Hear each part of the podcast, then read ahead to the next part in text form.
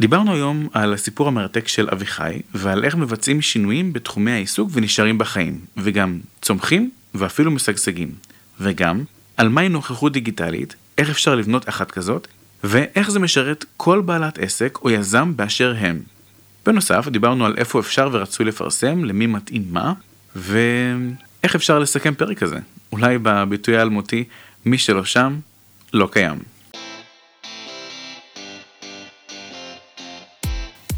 אתן מאזינות ואתם מאזינים ל-Open for Business, הפודקאסט של מועדון היזמות של האוניברסיטה הפתוחה.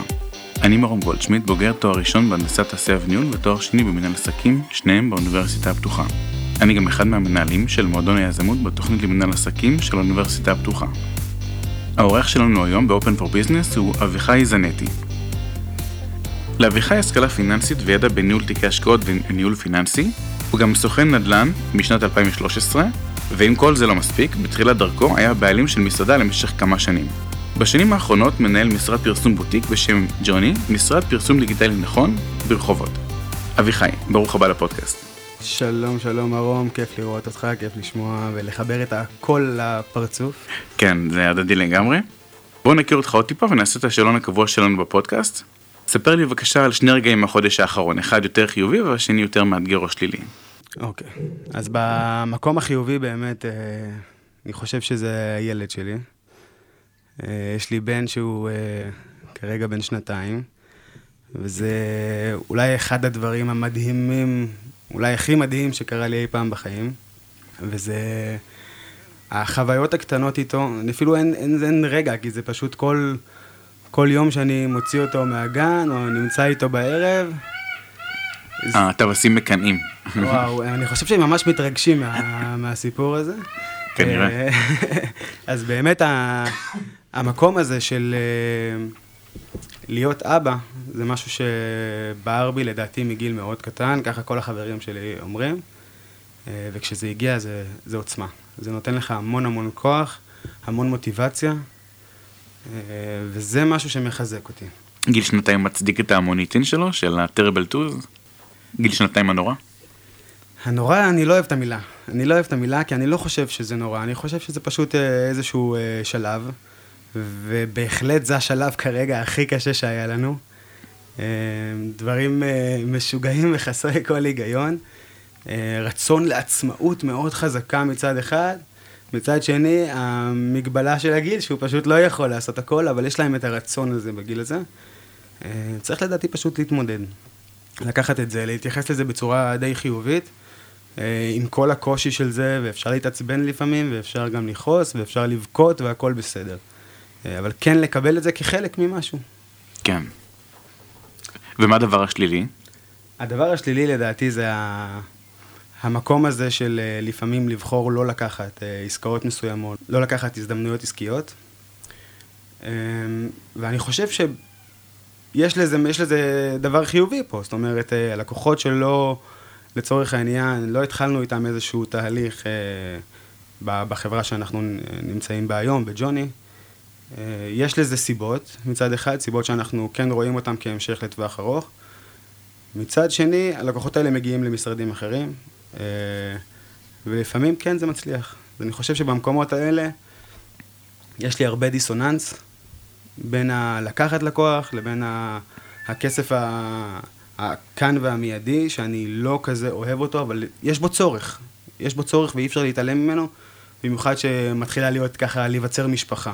כן. יש משהו מהתקופה האחרונה שהיית עושה אחרת אם היית יכול? אני חושב שלא. אני חושב שלא. אני חושב שהדברים הם... אה, הם אה, בתוכנית פלוס אה, סטיית התקן ההגיונית.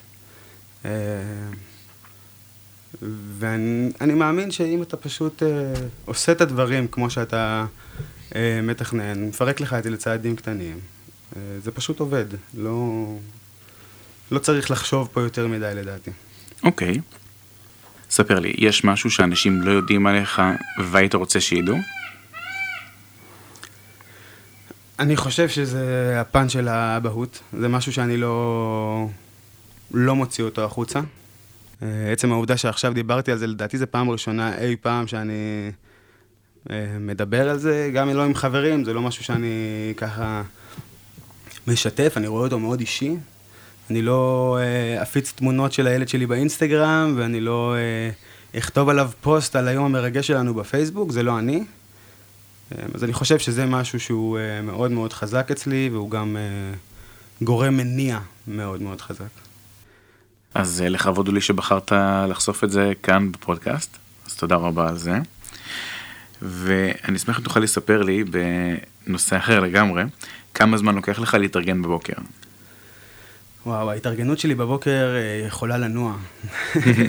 יכולה לנוע. בין אה, חמש דקות, כולל מקלחת, כולל הכל. אה, ככה, אם אני מצליח לקום בשעה הקבועה שלי, אני בדרך כלל קם בחמש בבוקר, ככה אני מתחיל את היום.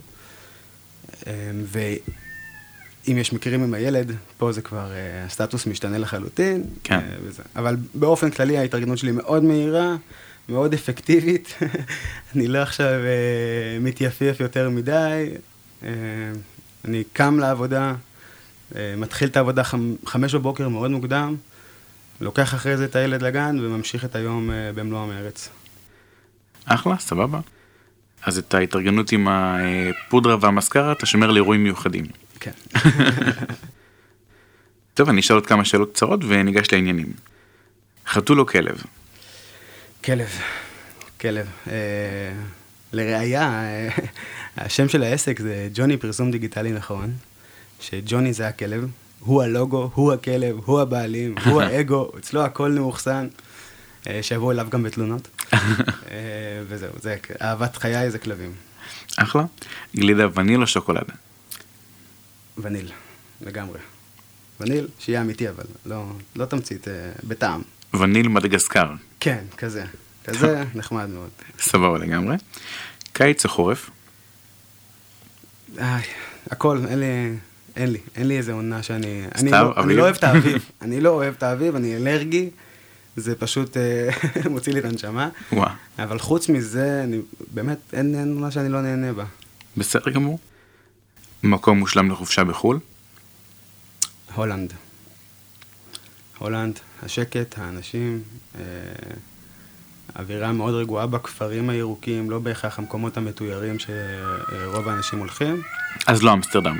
לא, לא, אני לא אוהב, אני לא אוהב כל כך את, את, את ה vibe הזה באמסטרדם, אבל הכפרים שם מדהימים, הכפרים שם אה, מטורפים, אה, יערות ירוקים, אה, הכל flat, הכל שטוח. כן. שזה משהו שתמיד מתעתע בך בראש, אתה מהלך שם.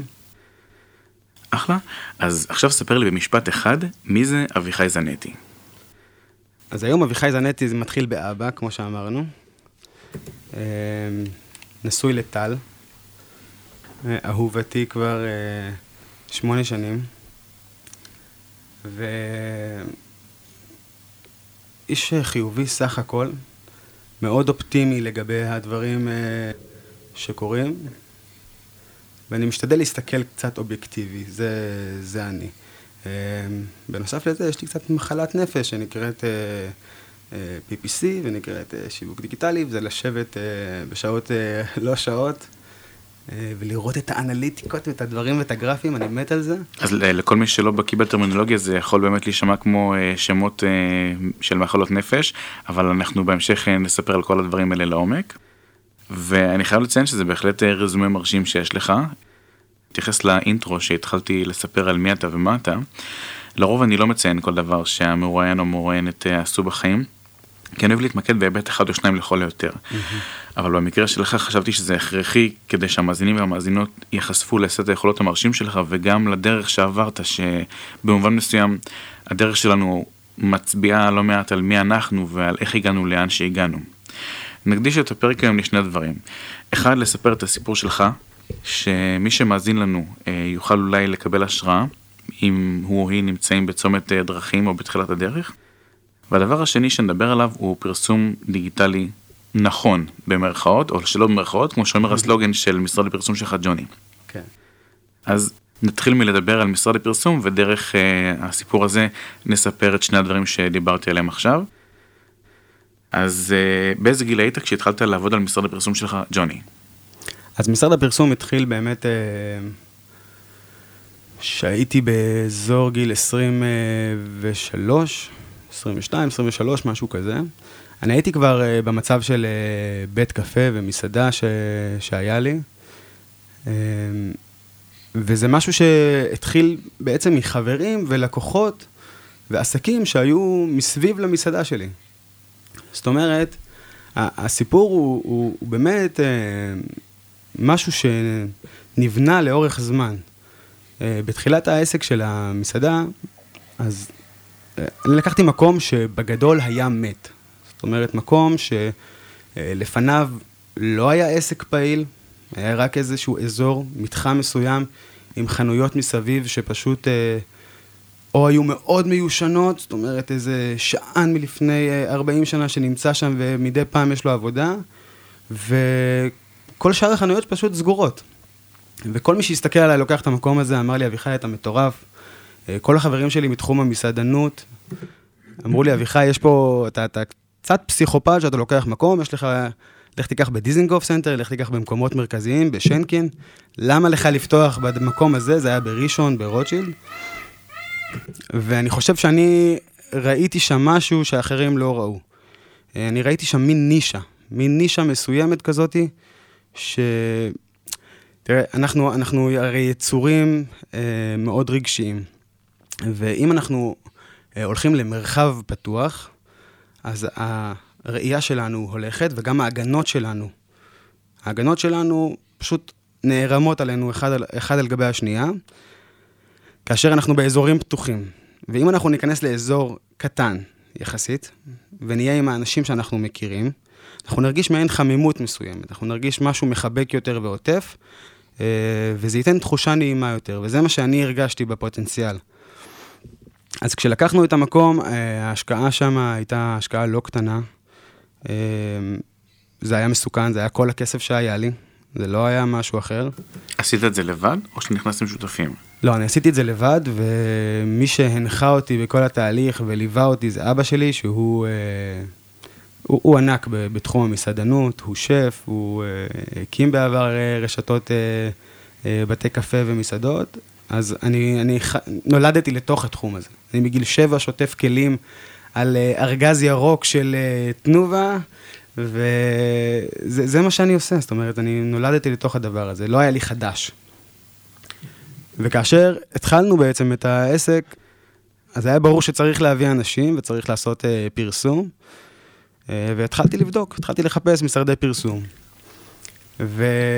אני מאוד פתוח, אני אדם מאוד פתוח, אני אוהב לנסות דברים, אני אוהב אה, לקחת אה, אה, כל מיני אנשים שנותנים אה, אה, הבטחות כאלה ואחרות, אבל לא בהכרח הבטחות, זאת אומרת, נותנים איזשהו vision מסוים לגבי הפרסום, וכן לנסות, וניסיתי, וניסיתי, וניסיתי, ועברתי ממקום למקום, אה, וארבע שנים של, אה, של מסעדה, שפשוט אני ניסיתי הכל. עכשיו, כתחביב, אני מגיל 12 עושה אה, גרפיקה ובניית אתרים ודברים כאלה, והיה לי איזשהו בסיס לעשות את הפרסום, לפחות בממד הדיגיטלי. אין לי הבנה בכלל לגבי שלטי חוצות ודברים כאלה, ופליירים, אני באמת לא מבין מה צריך לעשות ואיך עושים. אני כן מבין את כל המרחב הדיגיטלי, אני מכיר אותו מצוין, אני חי אותו מגיל מאוד קטן, אה, וחשבתי שאני צריך לנסות את זה. אז בעצם הלכתי וחרשתי, קניתי את כל הקורסים, בזמנו לא היה כל כך הרבה קורסים כמו היום, אז כמובן שזה היה רק דברים באנגלית. זה לא לימד אותי יותר מדי, אבל זה כן נתן לי את הביטחון אה, להתחיל ולנסות עם הכסף שלי להביא לקוחות למסעדה שלי, פשוט למלא את המקום. וכשהתחלנו את התהליך, אחרי שלושה חודשים של עבודה, זה פשוט התחיל לעבוד. האנשים הגיעו, הלקוחות נהפכו ללקוחות קבועים, והעסקים שהיו מסביב ראו את הדבר הזה. הם ראו את הדבר הזה והם באו אליי, אביחי, מה, מה, מה קורה פה? מה עשית? מה, איך פרסמת? והתחלתי לשתף אותם, התחלתי לשתף אותם שעשיתי ככה ועשיתי ככה, ובניתי לעצמי דף נחיתה, ועשיתי את הקמפיינים בגוגל ופייסבוק והכל, ולאף אחד לא היה מושג על מה אני מדבר. אה, אין להם מושג על מה אני מדבר, גוגל הכירו חלק מהדברים. אנחנו מדברים על 2014-2018. אז זאת אומרת תקופה שהיית מצפה שאנשים דווקא כן יכירו את זה. נכון, אז, אז אנשים כן הכירו את הפלטפורמות, לא הבינו באותם, אה, אני חושב, העסקים הקטנים.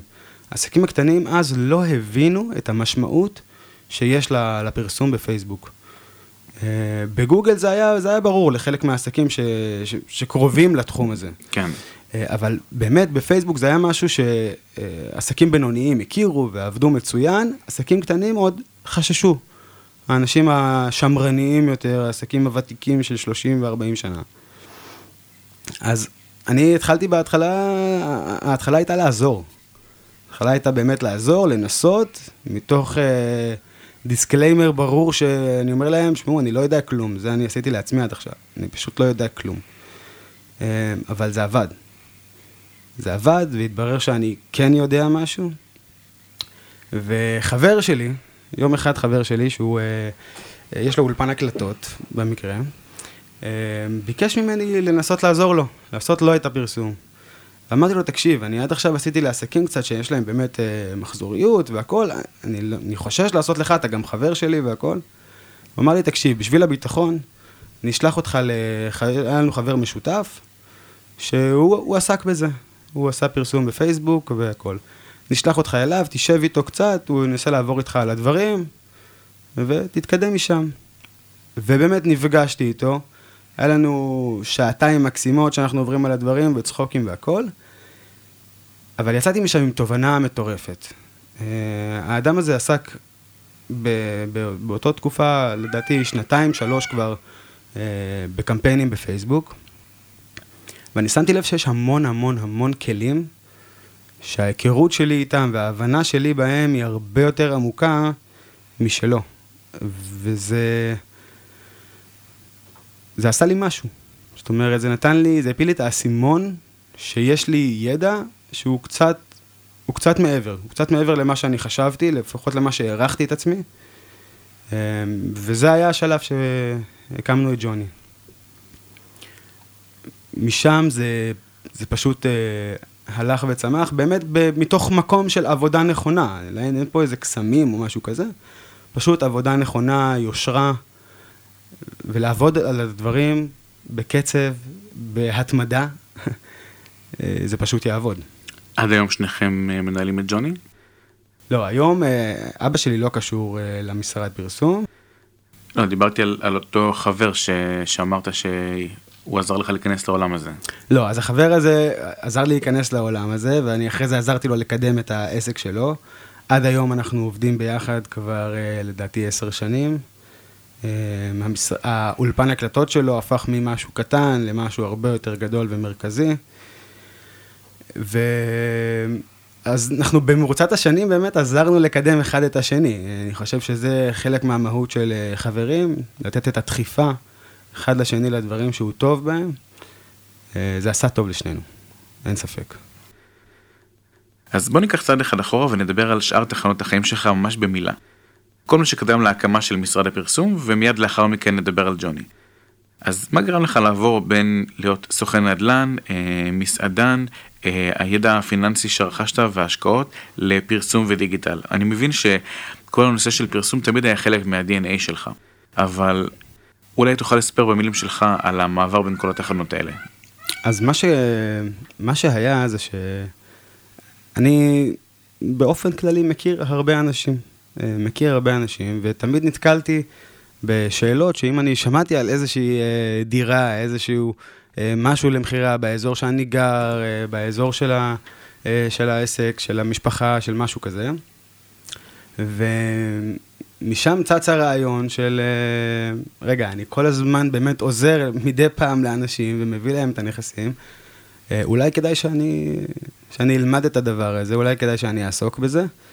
אה, המטרה הייתה באמת יותר להכיר את עולם הנדל"ן מבפנים, לנסות לחוות את, ה, את הדבר הזה, כדי להכין את עצמי ליום שבו אני ארכוש דירה או משהו כזה, יהיה לי את הביטחון ואת הידע ללכת ולמצוא נכס שמתאים לי, אמ, בלי הצורך להתעלות במישהו אחר, כן, כן להשתמש במתווך, אני היום חושב שמתווך זה דבר מאוד מאוד חשוב וכדאי להשתמש בהם, אבל לפחות להכיר את העבודה שלו, כן, כן. לבחון אותה. אה, זה משהו שאני גם ב... היום במשרד פרסום מאוד דוגל בו. זאת אומרת, כל לקוח חדש אה, שמגיע אלינו, מעבר לפרסום הסטנדרטי והכל שאנחנו עושים, אני באופן אישי נותן איזושהי מעטפת מסוימת שאמורה לגרום לאותו לקוח להעשיר את הידע שלו בכל הקשור לפרסום דיגיטלי, כדי שהוא יוכל לבחון אותנו באמת ממקום פנימי, מתוך, מתוך הבנה מלאה של, הד... של התהליך. עכשיו, זה הופך את העבודה להרבה יותר קלה. זה הופך את העבודה להרבה יותר נכונה. אמ, וזה אותו קו מחשבה שהיה לי גם בזה שהלכתי לתיווך. זאת אומרת, רציתי לרכוש את הידע בנדל"ן, לבוא היום שאני ארכוש אה, דירה. אז עסקתי בזה מעט, עשיתי אה, כמה עסקאות אה, ככה מאוד משונות ומעניינות, והבנתי את העיקרון, ואמרתי, אוקיי, זה לא התחום שאני רוצה לעסוק בו, אבל זה כן ידע שאני רוצה שיהיה לי, ואני חושב שהוא אה, קריטי למען האמת לכל אחד ש, שחושב אה, ללכת לקנות דירה. אם לא ללכת להיות אה, מתווך, כן, אבל לפחות קצת ללמוד את הדבר הזה, קצת להכיר את זה. אני מניח שמאותם שיקולים אה, למדת את הקורס בהשקעות ו... ובתיקי השקעות ו... ושוק ההון. נכון, אז אחד הדברים שבאמת היו אה, חשובים לי באותה עת, ביחד עם ההבנה של נדל"ן, זה ההבנה של פיננסים. אה, ואז לקחתי מספר קורסים בתחום, אה, במכללות מסוימות והכל, ומתוך רצון, שוב, לדעת מה אתה עושה לפני שאתה עושה אותו. אתה לא צריך אה, ללכת ללמוד כלכלה ומנהל עסקים כדי להיות מנהל וזה, אבל אתה כן צריך את הידע הזה אם אתה רוצה מתישהו להשתמש במנהל כלשהו. זאת אומרת, גם את הדברים האישיים שלך לפעמים, אתה כן צריך לדעת אה, לפתח אותם מתוך את הצורה העסקית הנכונה. לך זה אולי אה, ברור, ואני גם מבין את הרציונל הפנימי, אבל אתה יודע, רוב האנשים לא בהכרח פועלים בצורה הזאתי. אתה חושב שזה נובע אולי מסוג של פרפקציוניזם שיש לך? לא בהכרח כמשהו ביקורתי או שלילי, אלא כעובדה? אני, אני לא יודע אם לקרוא לזה פרפקציוניזם, אני מאוד קרוב למקום הזה, אני לא חושב שאני שמה. אה, אני לא מטפח את עצמי בצורה פרפקציוניסטית, אז אני מניח ש... אתה יודע, יש עוד היבטים שאני לא בדיוק עושה מושלם, לא, אבל שאם אתה עושה משהו, אז אתה עושה אותו עד הסוף, ככה זה נשמע לפחות. אז. אז זה חשוב לי.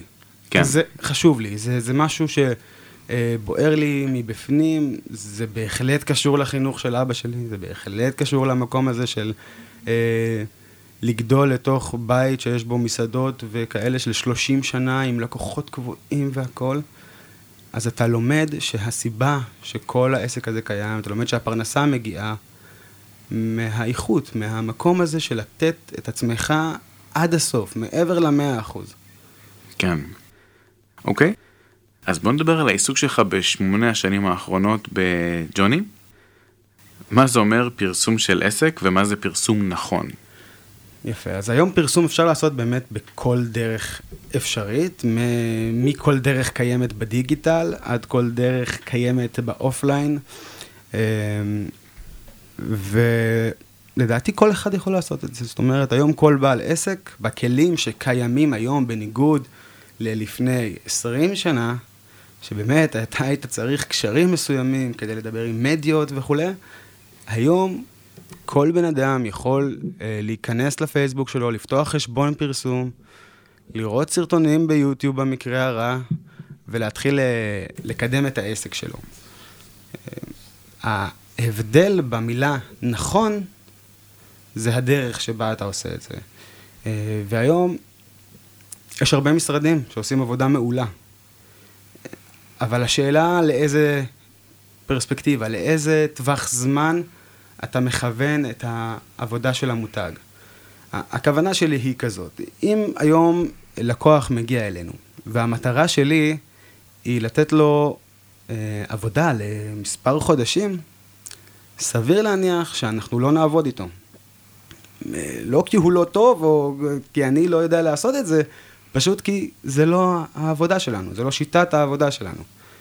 אז לדעתי פה המילה נכון מבדילה אותנו מהאחרים, מתוך זה שאנחנו מסתכלים לטווח הארוך. אנחנו בונים עסקים. אנחנו גורמים לעסקים אה, לפרוח, לממש את הטבע, את היצר הטבעי, כמו שיש יצרים לבני אדם, גם לעסק יש יצר. היצר שלו הוא לגדול. והיחיד שיכול לעצור את הגדילה של העסק, זה בעל העסק. נשמע מאוד סדור ו... ואולי אפילו אידיאליסטי במובן מסוים, אבל האם כל הפרסום הוא נקי ומסודר כמו שאמרת, או שיש גם סוגים אחרים של פרסום? שמעתי פעם את המונח פרסום גרילה. מה, מה זה אומר, ומי משתמש בסוג כזה של פרסום? זה מתאים לכל אחד? נכון, אז הפרסום גרילה זה משהו שאנחנו אה, גם עושים. המושג הזה הוא מושג מאוד מופשט, אנשים משתמשים בו בכל מיני אה, אופנים. איך שאני רואה אותו ואיך שאנחנו בג'וני מתייחסים למושג הזה, שיווק גרילה, זה הרעיון להשתמש במינימום תקציבים כדי לקבל מקסימום אימפקט לאורך זמן. הרעיון זה בעיקר מתאים לסטארט-אפים. זאת אומרת, סטארט-אפים צעירים שעכשיו אה, עשו את, ה, את הראונד A של הגיוס שלהם, גיוס ראשוני, והם חייבים את הבוסט הנכון, אבל לא מתוך מקום של עכשיו לפרוץ לשוק, אלא מתוך מקום של לבנות את סבב ההשקעות השני שלהם. ופה אנחנו עושים שיווק גרילה, שאנחנו משתמשים בעצם בהמון דאטאות. אה, היום... סוגי מידע? נכון, אז המון מידע, מידע על אנשים רלוונטיים, מידע על המוצר שלהם, שהם מספקים לנו, אה, הסטארט-אפ עצמו, החברה עצמה, ואנחנו לוקחים את הדאטאות האלה, מחברים אותם למה שיש אצלנו, למה שיש במערכות השיווק של פייסבוק וגוגל, וביחד עם עוד פלטפורמות אחרות, אנחנו יוצרים בעצם אה, סוג של ecosystem מסביב למותג, כאשר מספר לקוחות מצומצם מאוד, מצומצם מאוד, רואה את הפרסום שלהם בכל מקום. אז בהקשר הזה, הפרסום גרילה נשמע לי מאוד כמו מודיעין תחרותי. הוא לא מודיעין תחרותי, זה לא משהו שהוא מדויק, אבל הוא כן... לא, אני אומר בהקשר הזה, של מה שאמרת, לאסוף uh, סוגי מידע מכל, שמשרתים את המטרה שלך ולהשתמש בהם, זה פחות או יותר מה שאיש מודיעין עסקי, אה, מודיעין תחרותי עושה. נכון, אז, אז זה, זה באמת מה שאנחנו עושים. Uh, גם החלק של המודיעין נכנס פה, נכנס פה בתמונה, הוא לא נכנס ממקורות פנימיים של חברות ודברים כאלה, אבל הוא כן נכנס מסקרי שוק שאנחנו עושים וסקרי מתחרים ולבדוק את כל הדברים. אה, אני חושב שבעצם הקמת היסודות, אם אנחנו נקשר את זה למה שאמרנו על הנדל"ן, אז באמת, כשבונים בניין, אתה לא יכול להתחיל אותו מהקומה השנייה, אתה חייב להתחיל אותו למטה. כן. אתה חייב לבנות לו את היסודות. אז זה היסודות, זה היסודות בעצם של הפרסום, וזה מה שמאפשר לך לקחת את כל הידע ואת כל הכלים שאספת, ולתרגם אותם לפרסום, שהתקציב שלו הוא מאוד מאוד מוגבל, אבל הוא עקבי לאורך זמן, כן? זה לא משהו שהוא מתאים, שוב, למספר חודשים, זה משהו שהוא תהליך של uh, חצי שנה ומעלה, שבונים את היסודות ובונים את המותג, ולאחר מכן הפרסום הוא עובד אך ורק לאנשים המאוד מאוד מאוד מאוד רלוונטיים. Uh, זה מה שהופך את זה לגרילה מבחינתי. זאת אומרת, יש לנו קמפיינים אחרים, כן? קמפיינים אחרים שהם פונים לקהל הרבה יותר רחב, הם אה, נועדו לעשות חשיפה לאורך זמן, לחזק ערכים מסוימים של מותג קיים, הם פחות מתאימים לשיווק גרילה. אז שיווק גרילה הוא סוג אה, לגיטימי של פרסום, כל אחד יכול להשתמש בו לפי מה שאני מבין, והוא לא בא על חשבון אף אחד. נכון, הוא לא בא על חשבון אף אחד. יש מקומות, יש אנשים שלוקחים את השיווק גרילה לאזורים השחורים והאפורים, ומשתמשים בכל מיני שיטות שבסופו של דבר לא עומדים במדיניות אה, של פייסבוק, גוגל ושאר פלטפורמות הפרסום, ובגלל זה זה לא מחזיק לאורך זמן. כל המטרה של פרסום היא למעשה להגביר את הנוכחות שלך בתודעה של קהל היעד. בשלטי חוצות אה, אנחנו מכירים את הפורמט, בעיתונים, בפרינט, בכל מה שנחשב תקשורת מסורתית. ובתקשורת החדשה קוראים לזה נוכחות דיגיטלית. וגם שם, אם אתה לא שם, אתה לא קיים. אז קודם כל, תסביר לנו ולמאזינים מה זו נוכחות דיגיטלית והאם אפשר לחיות בלעדיה בעולם של היום. אוקיי, okay, בוא נבין את המשפט שאמרת. אמרת משפט שנאמר המון. אם אתה לא שם, אתה לא קיים. אם אתה לא נמצא בפייסבוק, אתה לא קיים. אם אין לך אתר אינטרנט, אתה לא קיים. בוא, בוא, בוא נפרק רגע את הדבר הזה. יש סיבה שאתה, שאומרים את זה, סיבה שהמשפט הזה נאמר, לא בגלל שאתה לא נמצא שם, אלא בגלל שהמתחרים שלך נמצאים שם. לקוח פוטנציאלי רואה פרסום, והיום אנחנו רואים יותר פרסום מאי פעם בהיסטוריה. החשיפה היום של המוח שלנו לפרסומות היא חסרת תקדים. אני חושב שהמדענים שלפני 40 שנה, הנוירולוגים של המוח, היו לא יכולים לשער שאנחנו יכולים לקלוט את כמות המידע שאנחנו קולטים היום. אני שמעתי שבעיתון אחד של היום יש יותר מידע מאשר בן אדם לפני 100 שנה שהיה נחשף אליו לכל אורך החיים שלו. סביר להניח, זה, זה נשמע מאוד מאוד הגיוני. אה, תראה, היום לצורך העניין, קצת נסביר על ה... בנגיעה על האלגוריתם של אה, פייסבוק. האלגוריתם של פייסבוק בעצם מגביל כל בן אדם לכמות פרסומות מסוימת ביום. פשוט ככה. אוקיי, עכשיו זה נקבע על ידי מיליון ואחד פרמטרים שונים שאנחנו לא יודעים אותם ולא יכולים להיחשף אליהם, אבל לכל משתמש, כמות הפרסומות שהוא רואה ביום שונה בהתאם לשימוש שלו, בהתאם ל- ל- להרבה דברים. ואנחנו כמפרסמים, כמשרדי פרסום וכעסקים, אנחנו בעצם מתחרים כל הזמן במכרזים. אנחנו כל הזמן נמצאים במכרז.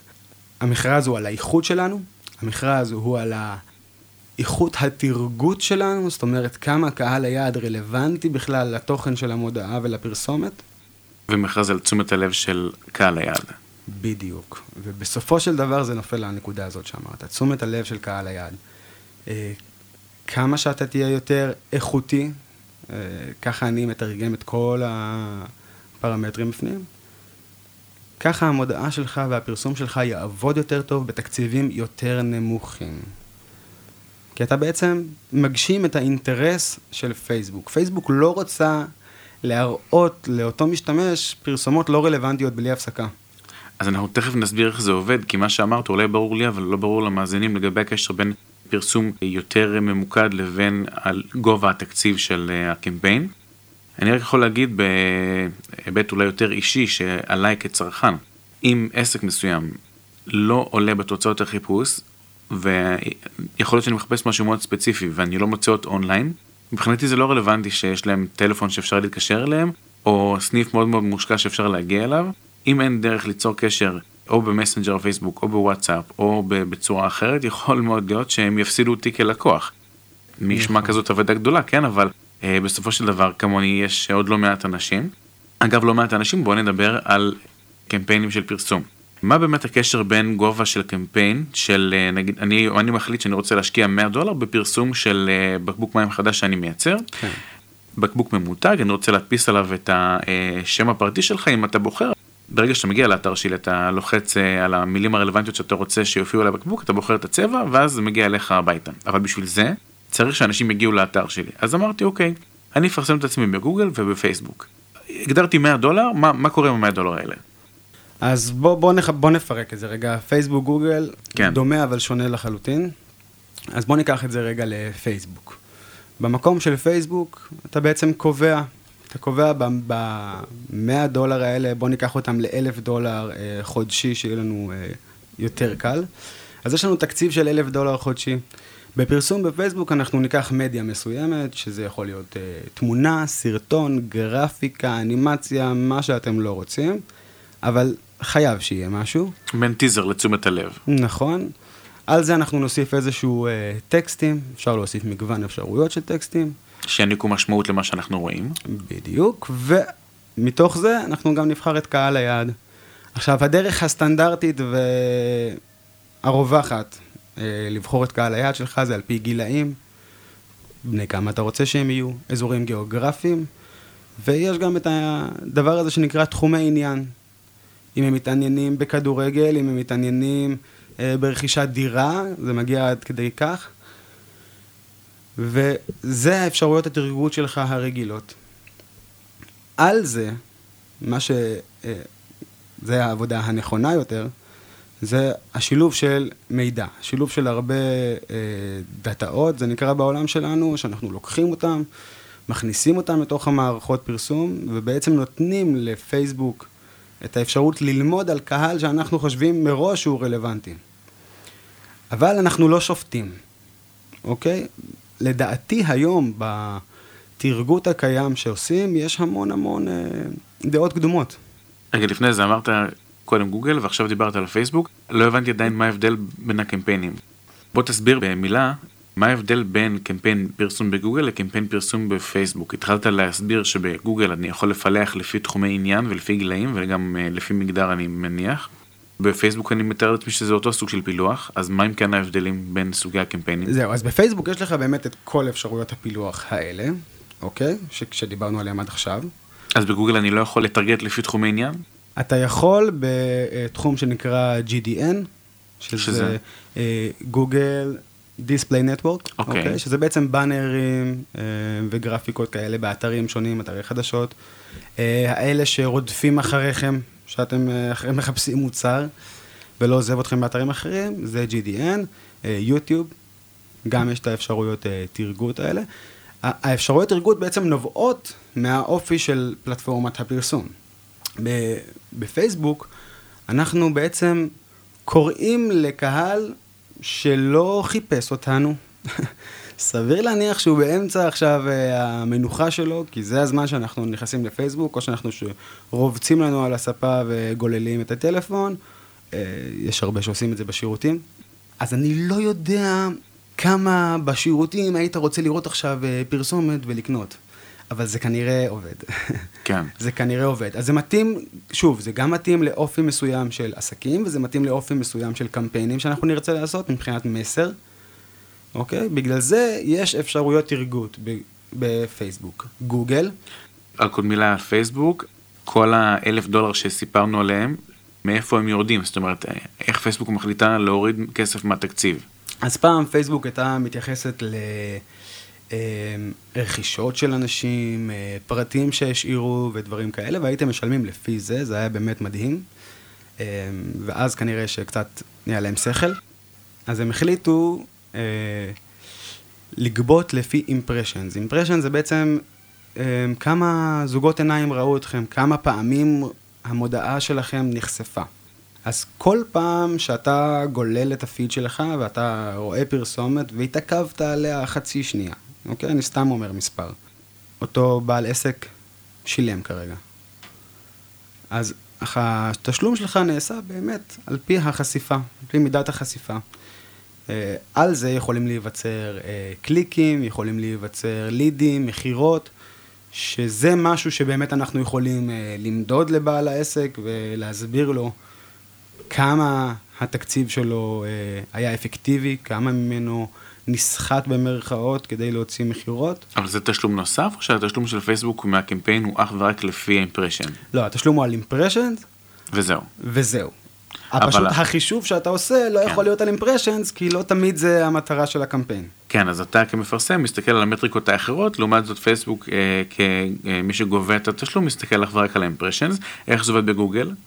אז בגוגל אנחנו יכולים בכמה אופנים אה, לשלם, אבל הדרך המוכרת והרווחת זה תשלום על פי קליקים. זאת אומרת, אתה עכשיו חיפשת אה, סירת גומי. אז רשמת סירת גומי בגוגל, וקפצה לך מודעה. המודעות זה בדרך כלל התוצאות הראשונות שאנחנו אה, נחשפים אליהן בעמוד. אפשר לראות בקטן שרשום ad או פרסומת. זה פרסומת. כל לחיצה עליה עולה כסף בהכרח לבעל העסק. אוקיי, okay, אז בגוגל זה לפי קליקים. אה, פעם שמעתי אמרה שאם אתה לא מופיע בעמוד הראשון בגוגל, עדיף היה שלא היית מפרסם בכלל, וזה משול אם אתה לא שם אתה לא קיים. אז איך אני גורם לאתר שלי או לתכנים שיש לי באתר, בבלוג או בכל דבר, בכל נוכחות דיגיטלית שהיא, איך אני גורם לזה להופיע בעמוד הראשון בגוגל? יפה, אז קודם כל קצת, קצת להבין את מה שאמרת, קצת להמחיש את זה יותר ולהרגיש את זה יותר לעומק. אה, נתון שגוגל מפרסמת בעצמה, 75 אחוז מהכניסות לאתרים וקליקים שהם מגיעים באותו מילת חיפוש, זה לתוצאות הראשונות, למקום הראשון, שני, שלישי, בדף, סביר להניח 50% מזה זה המקום הראשון. אמ, זה מטורף. זה מטורף. אז באמת, ככל שאתה תהיה בעמודים 2, 3 זה כאילו... 3 אתה באמת באמת לא קיים, 2 יש לך לפעמים קצת מזל. אבל זה לא עסק. זאת אומרת, אה, אם אתה בעמוד שני, תתחיל להשקיע כדי לעלות לעמוד ראשון. אז מה עושים כדי לגרום לזה לקרות? יפה, אז מה שעושים כדי לגרום לזה לקרות, אנחנו חוזרים שוב למקום הזה של המילה איכות, וזה קשור להכל. הרי בסופו של דבר, כשאתה לוחץ על פרסומת, אתה מגיע למקום מסוים. אתה יכול להגיע לדף נחיתה, אתה יכול להגיע לאתר, אתה יכול להגיע גם למספר טלפון, להתקשר ישר. אוקיי? אז יש הרבה אפשרויות. אז אתה צריך שכל החלקים בפאזל יהיו פשוט מדהימים. שהדף נחיתה או האתר שהגעת אליו מהמודעה יהיה בול על מה שהבן אדם חיפש. אם עכשיו חיפשנו סירת גומי, אוקיי? ואנחנו התכוונו לסירת גומי אה, לצאת לים, אבל אנחנו רואים אה, פרסומות של סירת גומי לילדים, אנחנו לא שם. עכשיו, אם ראינו, פרסו, אה, ראינו מודעה של סירת גומי, אוקיי? ולחצנו עליה, כי חשבנו שזה סירה לים, נכון? ובסוף אנחנו מגלים שאנחנו נמצאים באתר של אה, חנות צעצועים, מה אנחנו נעשה? נעזוב מהר. נעזוב מהר. זה נקרא bounce rate. כאשר אנחנו עושים את ה bounce, את הקפיצה הזאת מהאתר אחורה, גוגל מבינה שהאיכות של המודעה בהקשר של החיפוש שלנו הוא מאוד מאוד נמוך. האתר שלנו לא רלוונטי. וזה משתקלל לאלגוריתם שקוראים לו page rank? נכון, נכון. אז אה, בין ה page rank יש את ה-quality rank. אה, אנחנו פחות מתייחסים לזה. אני כן רוצה לראות את זה במספרים. Uh, לפעמים האלגוריתם, יש לו חיים משלו, והוא יציג לך מספר שהוא נראה לך אולי נמוך. אל תתייאש, הכל בסדר. בוא תסתכל קודם על המספרים, תסתכל איך המתחרים שלך uh, באותה קטגוריה נמצאים, תבין אם אתה טוב או לא טוב. אז זה מה שאנחנו עושים, אנחנו משתדלים להיות במקום הראשון, או במקום הראשון. אה, זה בדרך כלל מה שאנחנו עושים. או במקום הראשון, או במקום הראשון, מקסימום שני, אבל אני לא אוהב את השני. אז uh, כמו שאמרו במבצע סבתא, להתחיל הכי מהר שלך ולאט לאט להגביר. נכון, נכון, אז uh, פה, פה באמת נמצא הסוד. אגב סודות, בואו נסיים את הפרק עם uh, טיפ או שניים שיש לך ליזם או ליזמת בתחילת הדרך שרוצים למצב את הנוכחות הדיגיטלית שלהם ולא יודעים איפה להתחיל. אז uh, תתייעצו. פשוט להתייעץ, להתייעץ המון. לא להסתפק, uh, באמת, לא לדבר רק עם משרד אחד או איש פרסום אחד. לנסות לכוון את עצמכם ל... לכמה שיותר לרכוש ידע לפני שאתם בכלל מתחילים את התהליך הזה. גם באתר שלנו וגם בעוד אתרים אחרים יש מאמרים מאוד מאוד מפורטים. יש מדריכים ביוטיוב ויש סרטונים שיעזרו לכל יזם שרוצה להתחיל ולהרגיש את השטח. אז לפני שאתם שמים את הכמה שקלים שלכם על משהו, אז תלמדו את כל התחום הזה של שיווק דיגיטלי, כי היום זה הצינור החמצן היחיד שיש לכל עסק. אתם לא, העסק שלכם לא יגדל בלי פרסום דיגיטלי. אמ, הוא יכול לגדול, כן, כוכבית, אבל זה יעלה לכם כנראה הרבה מאוד כסף. כן. אמ, אז תעשו את זה דיגיטלי, אבל תלמדו את זה לפני, תחקרו קצת את הנושא, תדברו עם אנשים, תתייעצו, תקשיבו, ובסוף תחליטו לבד. תחליטו לבד עם מי אתם הולכים, איך אתם עושים את זה, ותבינו שזאת דרך. ברגע שאתם מתחילים, אתם לא יכולים אחרי חודש, חודשיים להגיד, לא, אני הרמתי ידיים, הפסקתי עם הפרסום, לא יוצא לי כלום. אם עשית את זה, אחר כך יהיה לך עוד יותר קשה. כן. אז להתחיל את זה בצורה מבוקרת, מתוך הבנה שזה תהליך, ואני הולך עכשיו להשקיע כסף כל חודש, כל חודש. אני לא אראה שום שקל בהתחלה. נכון, אני לגמרי מזדהה עם זה ומבין. זה מעין מנגנון שאתה מזין אליו משאבים כל הזמן, גם זמן וגם כסף וגם סבלנות, ומתישהו, ואתה לא יודע אף פעם מתי, אתה מתחיל לראות את הפירות. נכון. אוקיי, okay, אז uh, למי שרוצה ליצור קשר עם uh, משרד פרסום בוטיק, משפחתי, אז שיופנה לג'וני, פרסום דיגיטלי נכון ברחובות? כן, שיחפש ג'וני, פרסום דיגיטלי נכון, ויגיע אלינו. בסדר גמור. אחלה וחי, תודה רבה, היה כיף לארח אותך. תודה רבה לך, מרום, אחד הימים המהנים שלי החודש. יאללה, די, תמשיך. תודה רבה. תודה. ספרו לנו מה חשבתם על הפרק. יש שאלות היכרות עם המרואיינים שהייתם מוסיפים, מורידים, משנים? משהו שהייתם רוצים לשאול את אביחי ולא דיברנו עליו בפרק?